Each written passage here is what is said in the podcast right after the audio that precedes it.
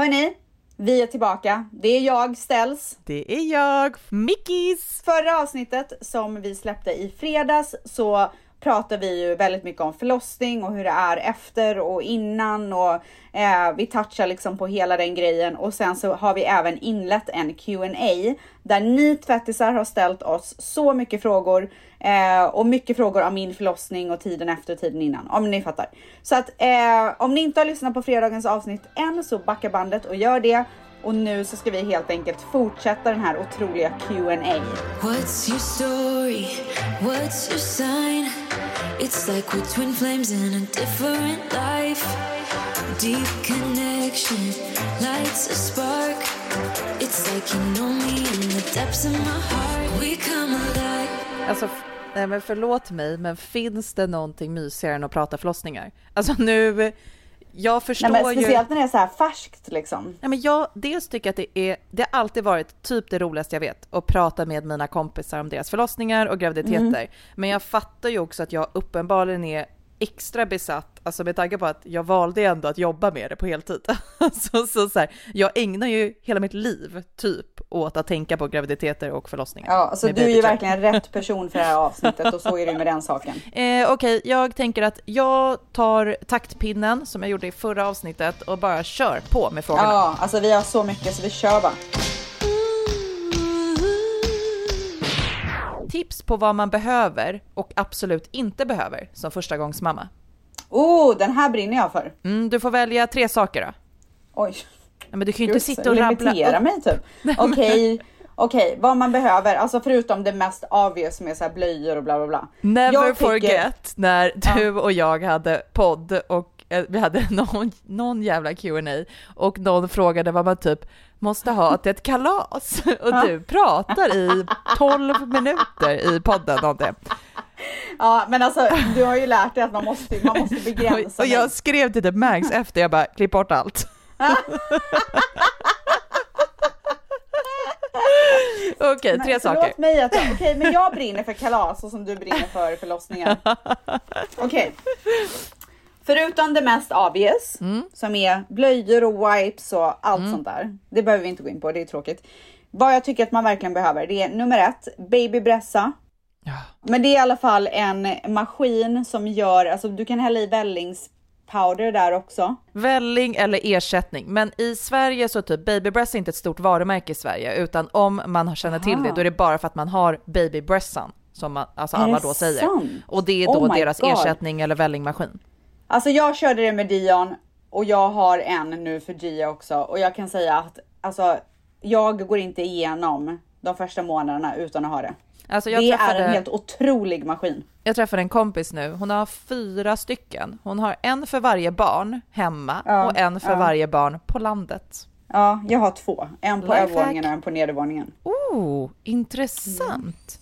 Ja okej, okay. babybressan, den sen, Får jag bara göra en, en, får jag göra en bubblare till babybressan? Nej, som inte räknas med i de här tre.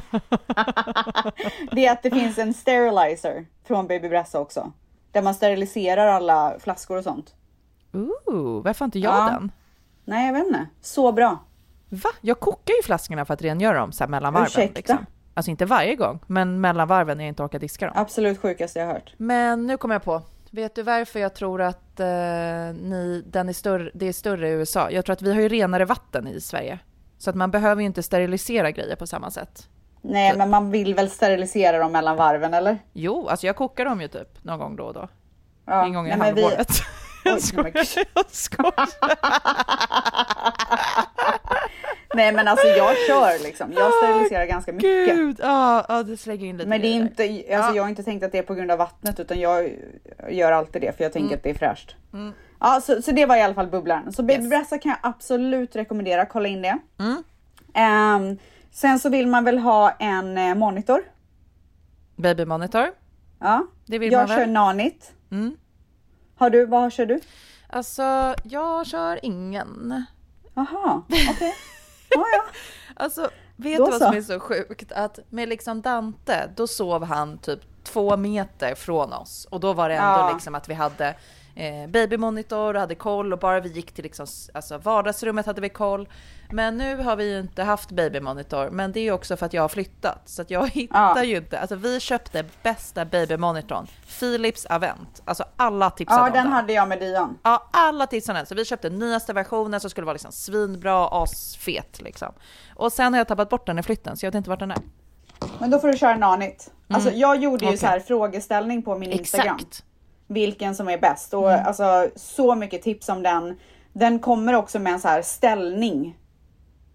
Som är så jäkla skönt. Mm, för jag tycker alltid det har varit så jobbigt vart man ska ställa den. Och... Ja, vart man ska ställa Exakt. den. Det är ju skitjobbigt. Så det har jag och sen så nu har jag en till Dion, en till Gia och så kan man ha så split screen. Bäst jag hört. Okej. Okay. Nej men alltså eh, otroligt. Jättebra. Så eh, Nanit Baby Monitor, Baby mm. Bressa Formula Maker, bubblare på Sterilizer, mm. det får vi inte glömma. Vad ska du köra som tredje? Alltså jag har en, en sak Oj. av allt Oj. som jag tycker att Aha. man bara, alltså att, som jag måste ha när jag får barn. Okay. Och det är bärsele. Ah, alltså okay. jag bär alla får ju olika barn så att jag har alltså, mm. alltså, jag vill tillägga det att det inte är så här, alla måste ha en bärsele för jag har kompisar som har gått och köpt sin bärsele och bara vad snackar de? Min ja. bebis gillar inte att vara i bärsele. Eh, typ också som att så här, jag bar ju Dante i bärsjal när han precis kom och var liksom ja. nyfödd för han var så liten och så hade jag honom liksom hud mot hud. Gaia hatade bärsjalen. Alltså det var som att hon fick klaustrofobi i den. Så okay. hon kunde inte vara i den alls. Så att jag fattar att allt är individuellt. Men båda mina barn, alltså jag har fyra olika eh, bärselar till Gaia beroende på liksom så att jag ska belasta ryggen på olika sätt och för ah, olika outfits. Och eh, oj, du mm. matchar till och med. Ja, du, jag har en jättefin wow. i kashmir och mulberry silk. Hur lyxigt? Men, nej men ursäkta? Ja, som jag har köpt till hösten som ska matcha mina höstkappor. Ursäkta mig. Ja. Nej men alltså det, det lät, vet du vad? Jag är all for this. Alltså jag är verkligen all for it. Jag har ju också bärsele, men jag har använt den en gång bara. Ja. Jag är rädd att, att, han, att, han, att hon ska bli för varm. Mm, ja, men kanske om ni har väldigt varmt, alltså vadå, jag hade ju Dan, äh, Gaia i Spanien nu, det var ju liksom hur varmt som helst. Jag hade henne i bärsele hela tiden. Men ah, hon, alltså hon blir ju varm, ibland får jag ju ta ut henne och liksom lufta henne. Men ah. båda mina Vad barn... kör du för brands då? Alltså Babybjörn, Nayel och Ardy Pope. Mm. Det är de tre. Jag har Najell hemma. Mm, den är alltså så bra. Ja, alltså den ja. är så bra. Den är jättemjuk och den är typ ergonomisk, alltså även för oss. Ja. Så typ, alltså jag bär ju, jag kanske bara Men kör du sjal eller bärsele med köp, Najell? Uh, uh, jag bär, bärselen eftersom Gaia okay. inte gillade sjalen. Jag har inte testat den än, jag har bara testat sjalen än så länge. Men jag Nej, har men båda hemma. Grym. Okej, okay, mm. kul. Mm. Då ska det testas. Så det, alltså på riktigt, jag hade inte behövt typ någonting annat än bara den där jävla bergselen. Wow. Jag tänkte på en annan grej som jag och Damon har garvat så mycket åt och det är också hur man tror att en produkt är livsviktig för att man behövde den till ett barn. Alltså med Dante så, hade ni, har ni också en dona? Ni vet en, ett sånt babyskydd och vagn liksom som man kan fälla ut. Ja, alltså med Dante var ju det det var typ enda platsen i hela världen där vi kunde sätta honom och han var tyst. Alltså han var inte tyst någon annanstans. Så ja. vi kunde gå och rulla honom i den hemma i lägenheten. Ja, vi kunde det. gå och rulla honom på gatan. Vi kunde sätta honom i bilen och köra omkring. Alltså, så länge han var i den så kunde han vara tyst ett tag. Så vi sa ju till alla våra kompisar bara det här är den bästa produkten, ni måste ha, bla bla bla. Nu med Gaia, sätter henne där, gallskriker från första stund. Nej, är det sant? Det, ja, vi kan inte åka någonstans. Nej. Men den är ju jäkligt bra, alltså den, den måste grym. jag verkligen mm. säga någonting om för att alltså där med Dion så hade jag ju en eh, car seat och så kunde man sätta på ben på den. Men med Donan så är det ju hela. Exakt. Du har alltså ju, det är ju en vagn som man fäller ihop och sätter mm. på eh, isofixen i bilen. Precis. Nej, den, den ja. är sjukt smidig. Mm. Eh, ja, okay. så det får väl bli tredje då. Ja, det får bli tredje. Poddtips från Podplay. I fallen jag aldrig glömmer djupdyker Hasse Aro i arbetet bakom några av Sveriges mest uppseendeväckande brottsutredningar. Går vi in med hemlig telefonavlyssning och, och då upplever vi att vi får en total förändring av hans beteende. Vad är det som händer nu? Vem är det som läcker? Och så säger han att jag är kriminell, jag har varit kriminell i hela mitt liv men att mörda ett barn, där går min gräns. Nya säsongen av Fallen jag aldrig glömmer på Podplay. Vet att du tidigare sagt att du gillar namnet Sofia. Var inte det ett alternativ? Åh herregud. Folk kan inte släppa jag förstår- att du inte valde Nej det. men folk kan inte släppa Varför att jag inte? inte, att det inte blev Sofia. Alltså jag har ingen aning. Men det är någonting som verkligen har fastnat. Men liksom så mycket har du väl inte tjatat om det namnet innan? Eller har jag missat Nej men något? också så här, man kan väl få ändra sig eller?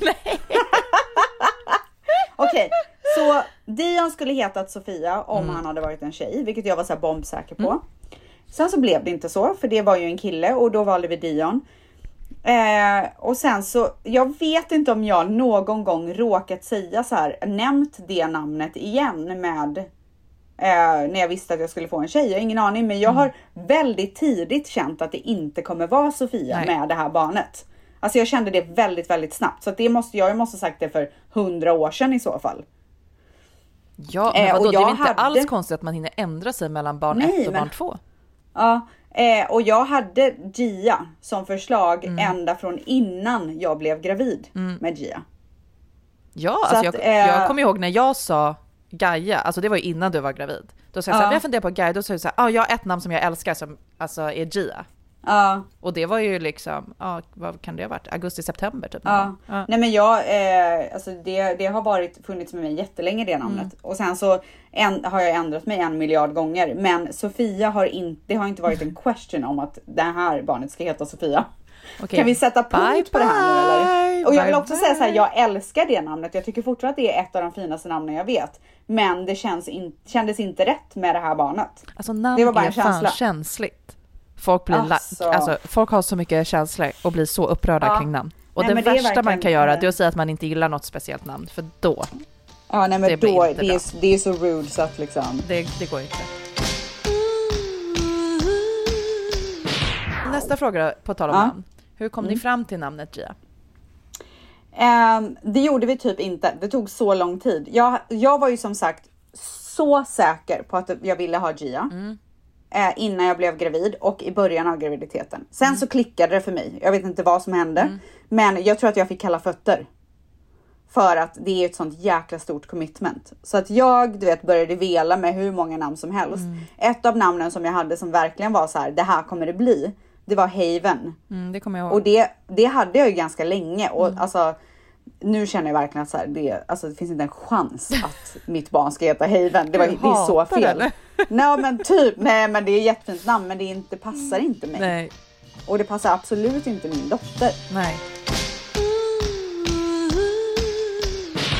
Men nästa fråga är ju så här. Hade, eh, hade ni bestämt namnet Gia innan ni åkte till sjukhuset eller bestämde ni när ni såg henne? Ja, jättebra fråga för att vi hade verkligen inte bestämt. Hade- vi hade, hade ingen det? aning. Nej, vi hade ingen aning vad hon skulle heta. Våra, vi hade två förslag och det var Gia och så var det Stella. Och Stella är ju mitt andra namn och det är också ett familjenamn. Min mormor heter det. mi- mina kusiner heter alltså det är så här, det går verkligen way back i våran familj.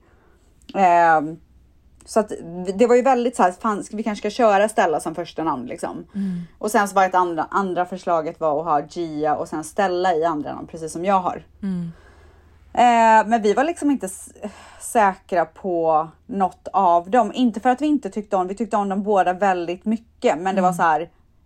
Finns det inget bättre? Är det här det bästa? Alltså det är ju så stort commitment liksom. Jag håller sagt. med, jag tycker namn är så jävla stort. Och när du väl har typ gått ut med det till folk är det så svårt, alltså det är jobbigt att ändra sig sen Ja. om man vill det eller känner för det. Så här, jag kommer ihåg också att vi var typ helt säkra, säkra på Gaia, men när jag berättade det för kompisar och så var jag så här, men säg inte till någon för att, äh, men jag vet Ja. inte, jag vill ändå typ se henne först. Ja. Men sen när jag såg henne, då var jag bara så här, okej Gaia, punkt. Ja, men, och det sa ju alla till oss här. Mm. När ni ser henne så kommer ni veta. Och jag bara nej, jag visste att det inte skulle vara så. Och så var det inte. Vi bestämde oss när vi var tvungna att skriva på papprena. Birth certificate. Som man måste göra innan man lämnar sjukhuset. oh my Så god, det måste man ju inte i jag födde. Nej, jag vet. Dagen efter jag födde så skulle vi signa och då skrev Manny på, alltså så här, eh, med Ah, han bara bestämde? Nej, nej, nej. Han skrev det så här vid sidan av. Ah. Testade namnet. Gia Stella Dionysopoulos. Och jag bara, det är det. That's it. Ah. Och så bestämde vi oss. Och sen den sekunden så har inget namn känts mer rätt i hela världen. Nej. Alltså jag är så glad att det blev de här namnen och det känns så rätt. Men Alltså så gud. rätt. Ja, fy fan. Också så här bästa känslan att känna där satt den.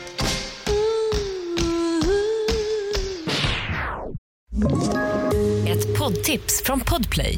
I fallen jag aldrig glömmer djupdyker Hasse Aro i arbetet bakom några av Sveriges mest uppseendeväckande brottsutredningar. Går vi in med hemlig telefonavlyssning och, och då upplever vi att vi får en total förändring av hans beteende. Vad är det som händer nu? Vem är det som läcker?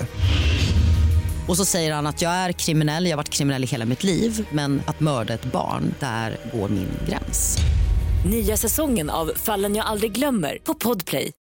Vilken av dina förlossningar var tuffast? Eh, Intressant fråga. Ja, med Dion. För att jag eh, hade ju typ någon slags här panikångestattack på eh, eh, när jag låg där och också att det kändes som att jag blev snuvad på förlossningen. För att jag var så in and out och liksom så här hög på medicin och eh, det kändes bara inte, det var ingen nice liksom, ingen nice förlossning. Vad var det som fick dig att välja snitt med ettan och vaginal förlossning med tvåan? Alltså med att jag valde ju verkligen kejsarsnitt med eh, Dion, min första förlossning. Det var ju ingen så här eh, att han låg, alltså nu vet jag faktiskt inte om han var fixerad eller inte för att det var inte ens väsentligt. Men eh, jag valde att göra kejsarsnitt, inte av någon anledning förutom den att jag blev påverkad av andra personer i min närhet som hade gjort kejsarsnitt. Ehm, jag började ju hela min så här, gravidresa med att jag hade möte med en doula och tänkte att jag skulle köra helt naturligt utan någon medicin och, och sen så bara liksom från en dag till en annan så eh, valde jag kejsarsnitt. Ehm, Kan du känna att du och- ångrar det idag?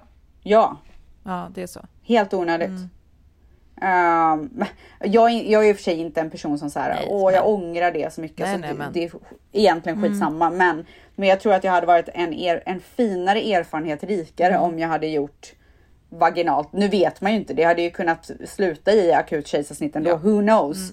Men ehm, ja, om jag hade gjort om det så hade jag valt vaginalt med båda. Nu när jag är liksom lite mer ehm, erfaren. Fint. Mm. Eh, hur var hormonerna efter baby blues? Frågetecken. Eh, alltså, jag kommer ihåg att när jag lämnade sjukhuset så sa min läkare till mig att så här, hon gav mig några tips. Liksom hon eh, sa några alternativ som jag skulle tänka på eller vad man ska säga. Oj, och en av de grejerna var bli inte förvånad eller eh, stressad eller rädd om du gråter om vartannat när du kommer hem. Gud, Det kommer vara två grej. veckor. Mm. Ja, hon bara, det kommer vara två veckor där du är väldigt känslig och börjar gråta för ingenting och det är fullt normalt. Ge det två veckor. Mm. Och det var, det var verkligen ett råd som eh, jag tog med mig och har tänkt på väldigt mycket. För att under de här två veckorna, nu har det ju gått två veckor exakt. Mm. Men speciellt första veckan, då var det verkligen gråt för ingenting. Och man kan Ehm, ju känna så här, shit, typ ång... Alltså man kan ju hamna i det. Det är typ som när man har PMS. Då Ja. kan man ju ibland så här, men gud, ingen tycker nog om mig på riktigt. Och sen när Mm. PMSen är över, man bara, men gud, det där var ju bara PMS. konstiga känslor Ja. liksom. Här, men man tror Ehm, nästan på dem själv. Ja, men, men just för att hon så här Så gav bra. mig ett varningens finger typ om det så, eh, så tog jag det verkligen med ro och lät mig vara ledsen om jag kände att jag var ledsen eller gråta. Och jag kommer ihåg så här, en gång så kom jag fram, gick jag fram till Manny, han stod i badrummet och sa jag så här, jag gråter och jag är väldigt ledsen nu och jag har ingen aning om varför. och det var bara så här, han bara okej, du vet. Ja, ja gud, jag kommer också ihåg när vi skulle på, vi skulle göra så här hörseltester på Gaia. Ja, Det gör man efter ja. typ fem dagar eller något sånt. Ja, Och så åkte vi till eh, BB och i bilen på väg dit, det ösregnade. Och i bilen på väg dit så sitter jag och lutar huvudet mot bilrutan och mina tårar bara alltså forsar. Och jag sitter alltså och hulkar så här. ja, Och Damon bara, men vad är det liksom? Och jag Ja. bara, nej. Alltså så här, nej. Alltså du vet, jag kunde Ja. liksom inte ens säga, säga och när jag försökte säga något då började jag bara gråta mer typ. mm. Och så åkte vi hem och han bara, jag tar Gaia och så la jag mig i sängen och bara, så bara, jag är Ja. så ledsen. ja. Man är verkligen så ledsen. Jag var så ledsen. Men det är inte så jäkla konstigt, alltså vilken grej man har gått igenom och liksom burit på ett barn i nio Ja. månader och det är klart att man kommer känna efteråt. Ja, alltså verkligen. Men det som är fint är att så här, i alla fall här i Sverige så gör man ju efter, om det är sex eller åtta veckor, så får man fylla i ett formulär på BVC om typ hur man mår. Ja. Och om du har, kanske går till en BVC-sköterska som du inte klickar så bra med och sånt, då kanske det inte ger så mycket.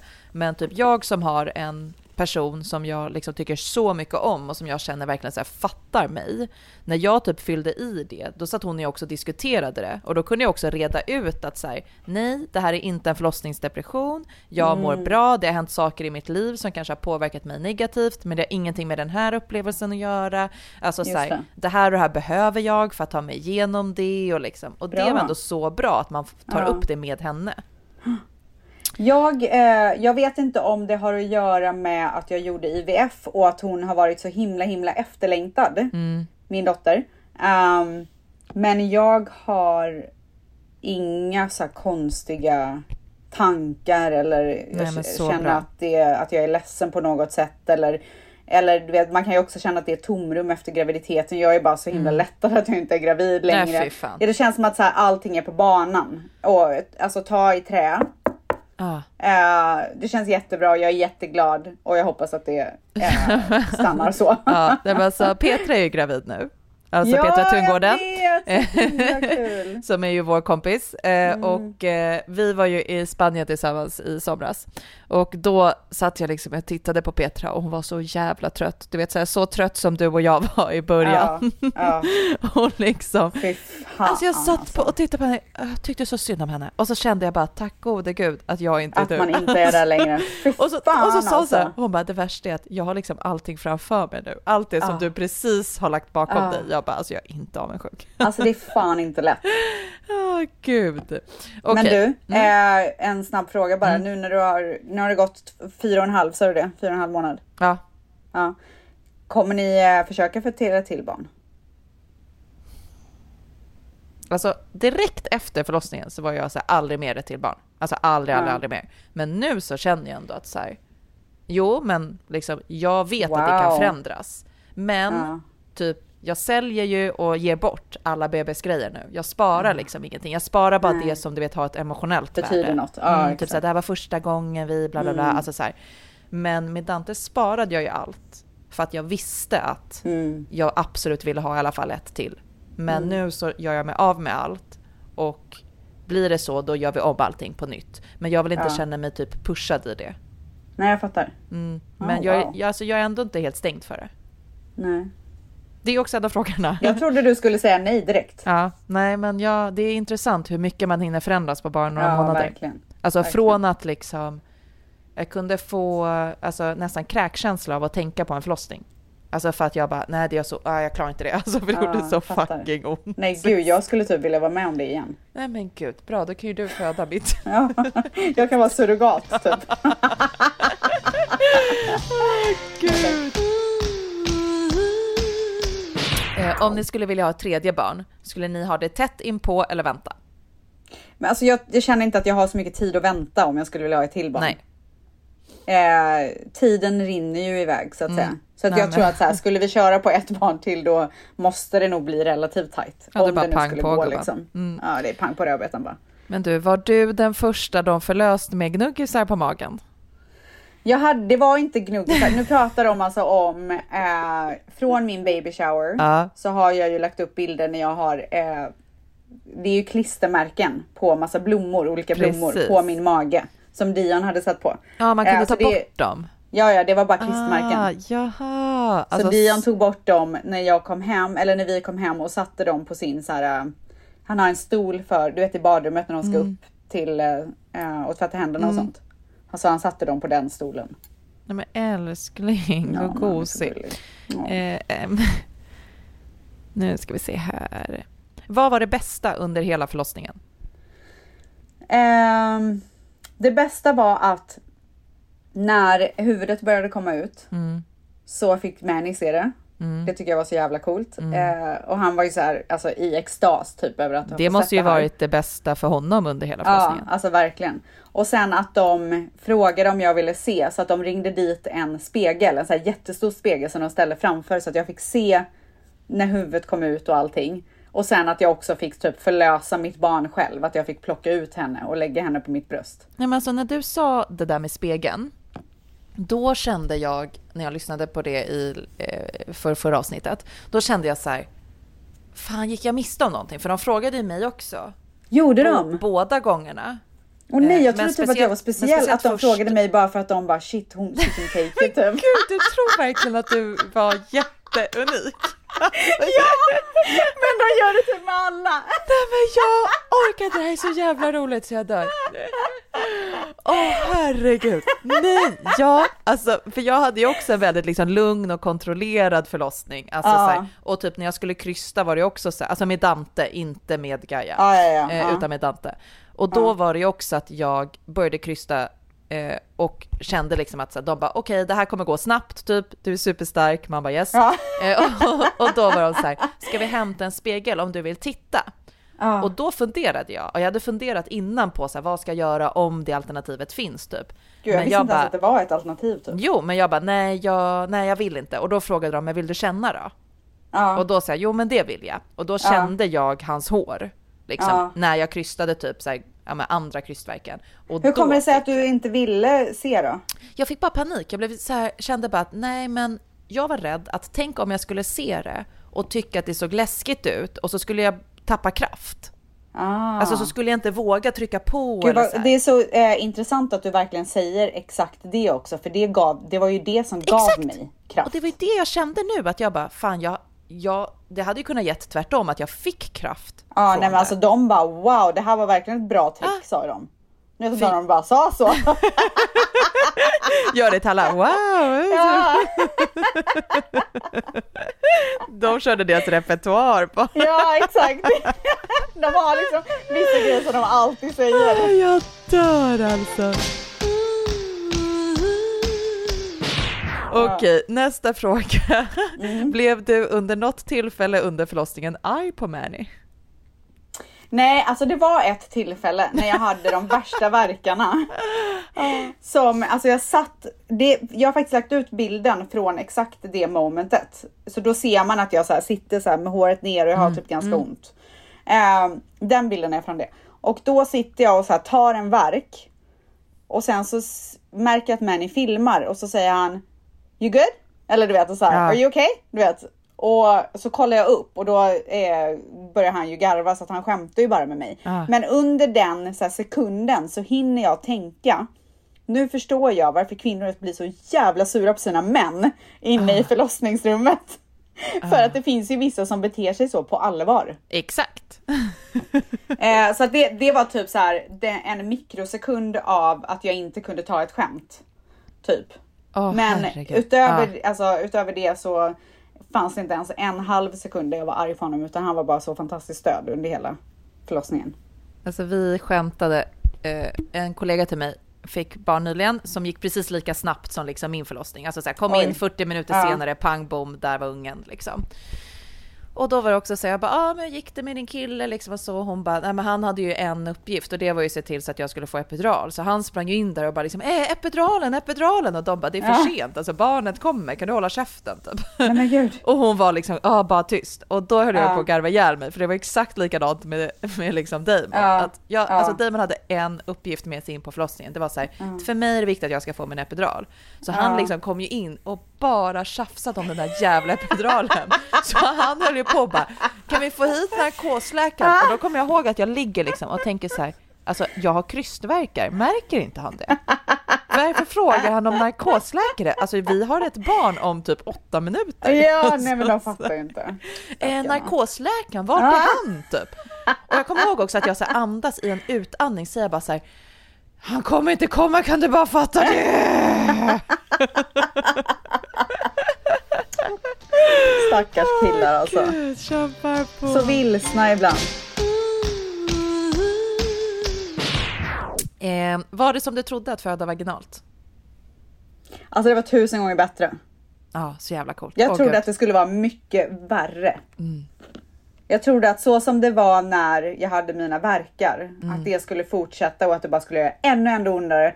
Och min eh, läkare pratade om ring of fire, du vet Ja. när det så här barnet kommer ut med Det huvudet. Alltså jag jag kände heller. inte ens det.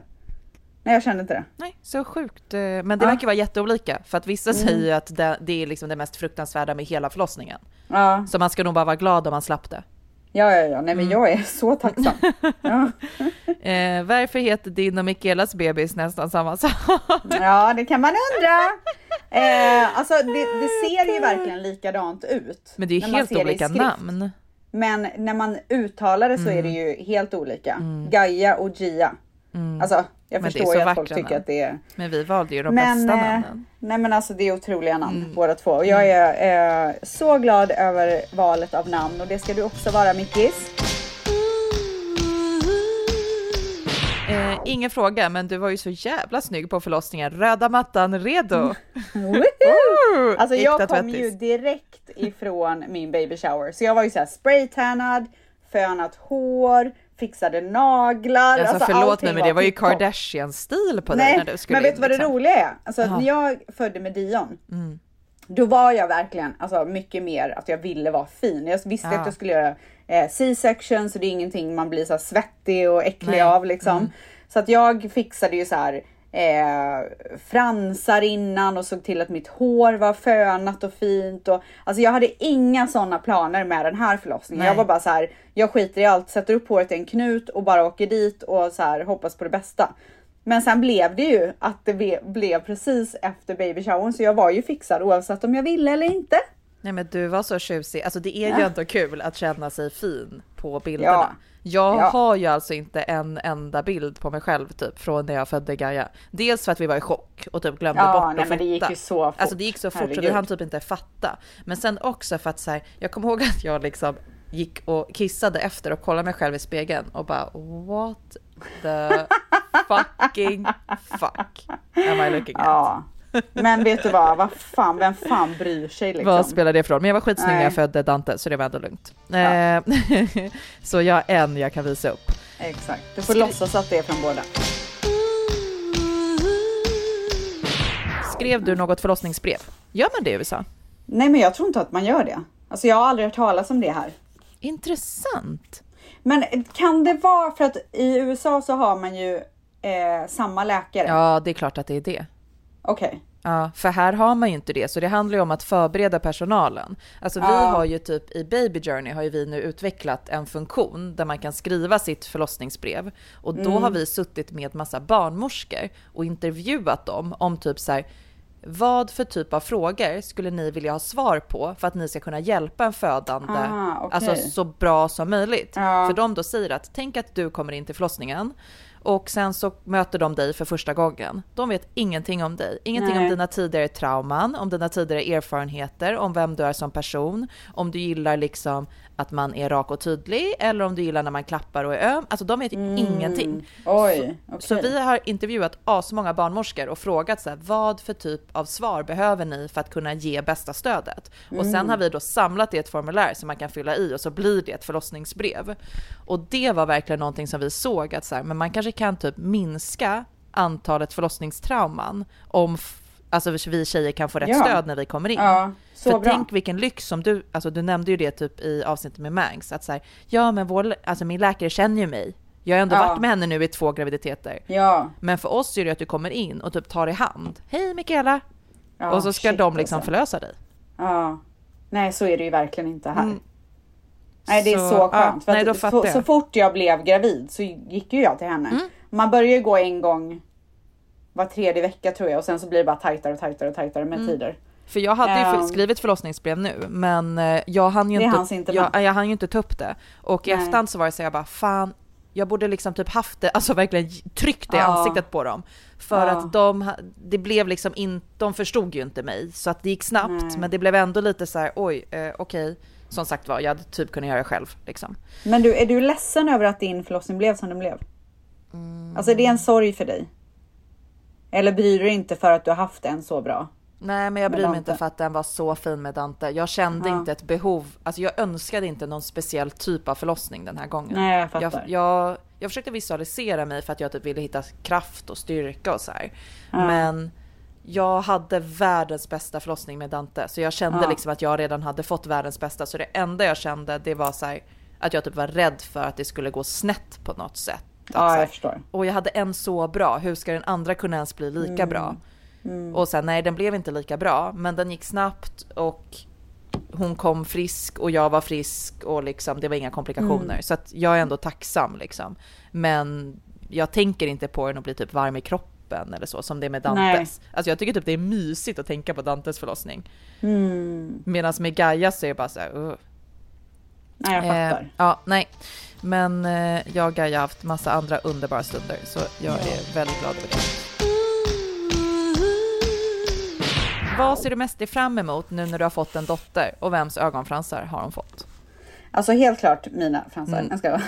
Såklart. Nej men ja, ja. Ehm, vad ser jag mest fram emot? Alltså jag ser fram emot att lära känna den person som hon kommer bli. Eh, Och jag ser fram emot att ha ett, ett annat typ av band till henne. Alltså mitt och Dians band är ju otroligt. Men jag tror ju verkligen att det här kommer bli en annan grej. Så det ska bli väldigt fint. Och sen ser jag så mycket fram emot att se deras relation. Nej, men så Syskonen. Nej, Ja, så och, och liksom mysigt. också så här att hon kom, det kom, kompletterade ju våran familj. Och jag ser så fram emot att få uppleva den här familjen som jag har nu. Ni kommer ha det fantastiskt. Och typ så här, ja men, ni fick ju kämpa liksom för Ja. att Gia skulle komma. Men det som är fint med det är att Dion han blir äldre och eh, kommer vara så himla fin mot sin lilla syster. Alltså det Ja. jag ser i Dante när det kommer till eh, ömhet och omvårdnad för Gaia, Ja, det, det är är, fint. det fyller mig med liksom, det är, det, be- det är det absolut bästa jag varit med om i hela mitt liv. Alltså Mm. Verkligen. utan tvekan. Nej men jag, jag tror verkligen att det fanns en mening med att Dion skulle bli äldre innan vi välkomnade vårt andra barn. Och eh, det känns så rätt nu. Jag är så glad att allting hände av den, av anledningar som skulle hända. Vad var det första du åt eller gjorde när du kom hem? Alltså jag kommer typ inte ihåg. Jag tror bara att jag har överlevt. Gud vad åt Vi, jag? Jag kommer eh, inte heller ihåg. Vi firade genom och Mannys pappa åkte och köpte en sån här roast beef för hur mycket pengar som helst. en sån här riktigt top quality. Han är så inne i kött liksom. Så han köpte hem det och lagade det och sen så öppnade Manny en flaska som han eh, har från 1980. Jag såg att du fotade den. Hans, ja, hans eh, år eh, när han var född. Eh, så vi firade med det och det var väl en så här en fin grej efter att hon har kommit. Så då ehm, skålade vi för Gia och Dion och då lilla Idi som har fått åka till himlen som jag inte vill prata om för då kommer jag börja, börja gråta. Men jag förstår. eh, min lilla Bobbe. Ja. Vad var det mest onödiga du packade i BB-väskan och vad var det bästa? Eh, alltså allting var typ onödigt förutom att jag hade två stycken eh, bil- inramade bilder på Dion som jag satte, för vi hade ju två rum i våran svit. Så jag satte en i Alltså, där jag svit, sov, ja. ja, en där jag sov och så en i vardagsrummet. Så då hade vi två bilder och sen så hade vi ju, så han kunde göra så teckningar och sånt när han kom. Så det var det absolut bästa, så att han kom dit och kände att så här, åh det här är till mig också. Och sen så hade vi också en present från Gia till Dion som vi gav. Som jättemånga har tipsat om. Det var jätte jättebra. Eh, men allting annat var så här, så onödigt. Alltså jag använde ingenting. Jag Alltså, öppnade typ inte ens väskan. Alltså förlåt mig, men mina två, ja jag öppnade ju absolut, jag hade inte ens med mig väskan in. Men alltså efter, jag ska ändå säga att mina två, två enda saker jag hade behövt. Hårsnodd och nässpray. Ja nässpray hade jag. Alltså jag hade sån gravidtäppa på slutet. Så jag kommer ihåg att jag bara, om jag inte fått en nässpray på min förlossning, då kommer jag inte Ja. kunna föda ett barn. Alltså jag bara, Nej men ja, jag, jag körde också eh, nässpray på förlossningen. Och sen en hårsnodd för att få bort håret. Ja. Ja, nej, du är fortfarande, har du inte Ja. släppt den? Nej jag måste av. Nej, men gubbar, du behöver jag är, hjälp. jag är Du beroende. behöver söka ja, jag hjälp. behöver hjälp. Alltså kan någon hjälpa mig? Okej, eh, du sa en gång att du aldrig ville vara gravid igen. Känner du så fortfarande? Ja för fan, så jävla jobbigt alltså.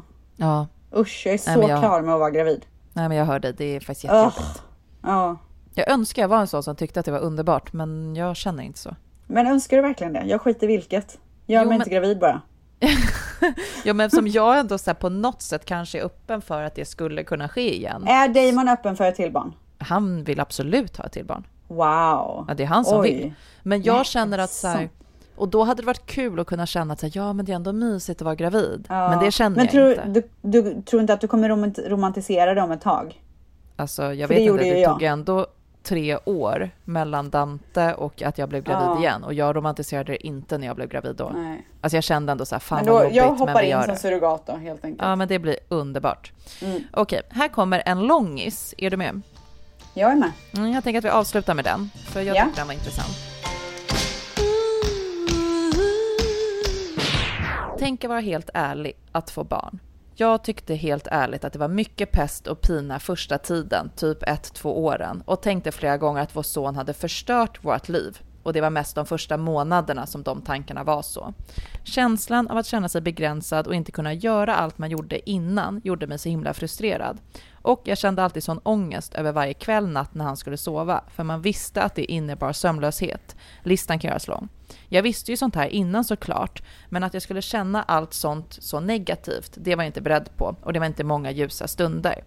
De jag har pratat med har såklart sagt att småbarnsåren varit jobbiga, men jag har inte känt att någon känt som mig riktigt. De verkar vara mer lyckliga liksom. Eh, som att det inte varit en sån big deal för dem. Känner någon igen sig i dessa känslor? Ska tillägga att dessa jobbiga känslor inte finns längre och nu har det gått fyra år.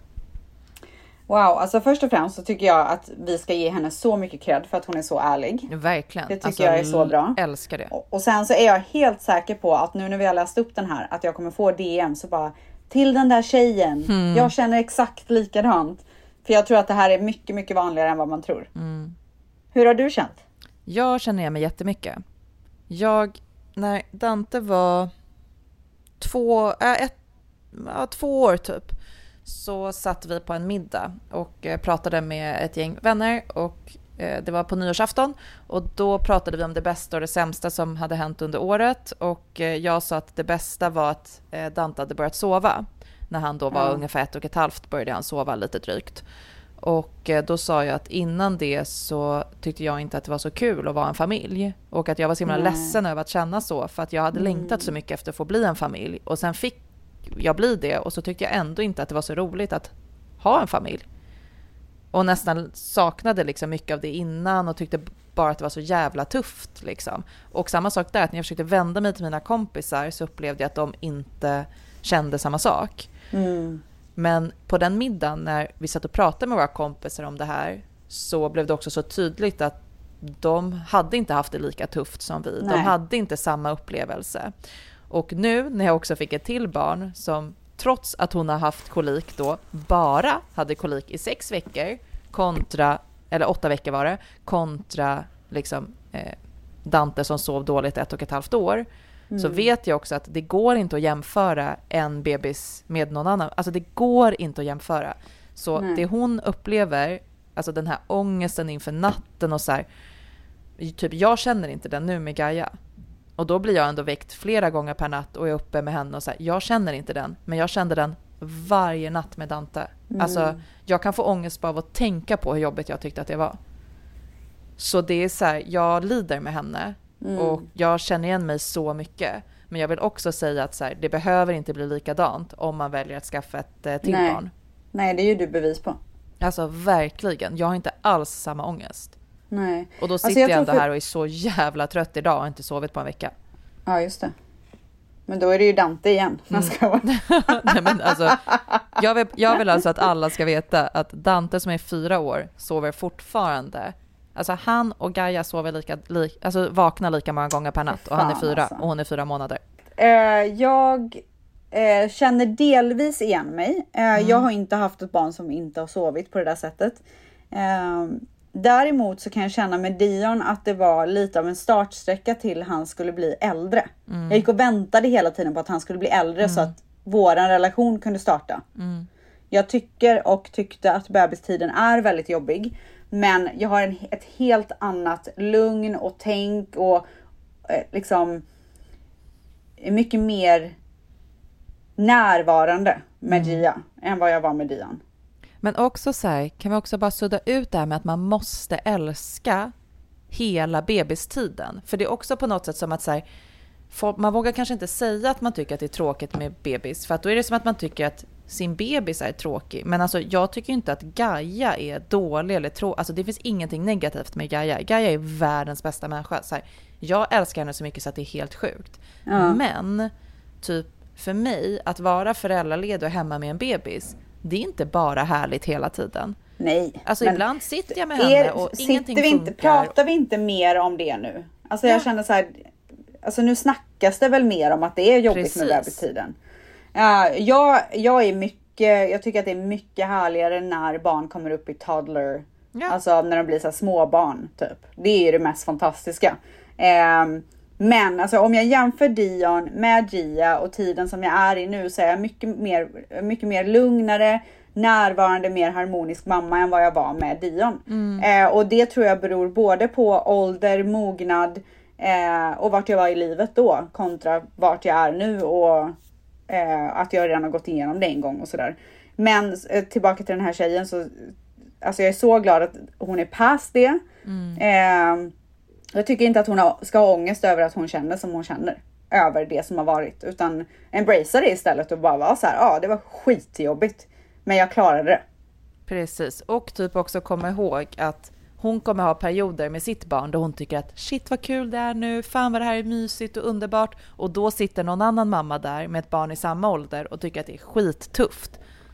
För att deras barn är i en trotsperiod eller går igenom någonting jättejobbigt eller de, det liksom händer grejer. Så att alla får sin beskärda del. Vissa får den i början och andra får Ja. den senare och ofta kommer och går det jobbiga flera gånger under 18 år som man ändå ska Ja. ta hand om de här barnen. Och eh, alltså det är otroligt att vara förälder, men det är också jävligt jobbigt. Exakt, Och så är det bara. exakt. Ja. Och på tal om det så hör jag min bebis skrika där ute. Ja, och på tal om det så ska jag gå och mata min lilla bebis. Ja, det förstår jag. Alltså så mysigt! Nej men alltså det är så sjukt. Eh, men så från de här tvåbarnsmammorna till er alla där ute så vill jag tacka för de här otroliga frågorna. Jag hoppas verkligen att ni känner att ni har fått svar på allting som ni undrar. Och Mickis, tack för det här gästinhoppet. Nej men det var så att du ville ta dig tid. Jag älskar att sitta och snacka skit med dig och jag älskar att eh, sitta och ta del av tvättisarna och den här världen. Så härligt. Och Okej. tvättisar, vi hörs på fredag. Vi hörs snart. Puss och kram på er. Hej då! What's your story? What's your sign? It's like we're twin flames in a different life. Deep connection lights a spark.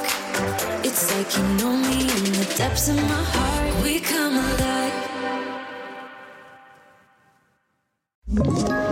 Ett poddtips från Podplay. I fallen jag aldrig glömmer djupdyker Hasse Aro i arbetet bakom några av Sveriges mest uppseendeväckande brottsutredningar. Går vi in med hemlig telefonavlyssning och, och då upplever vi att vi får en total förändring av hans beteende. Vad är det som händer nu? Vem är det som läcker? Och så säger han att jag är kriminell, jag har varit kriminell i hela mitt liv men att mörda ett barn, där går min gräns. Nya säsongen av Fallen jag aldrig glömmer på Podplay.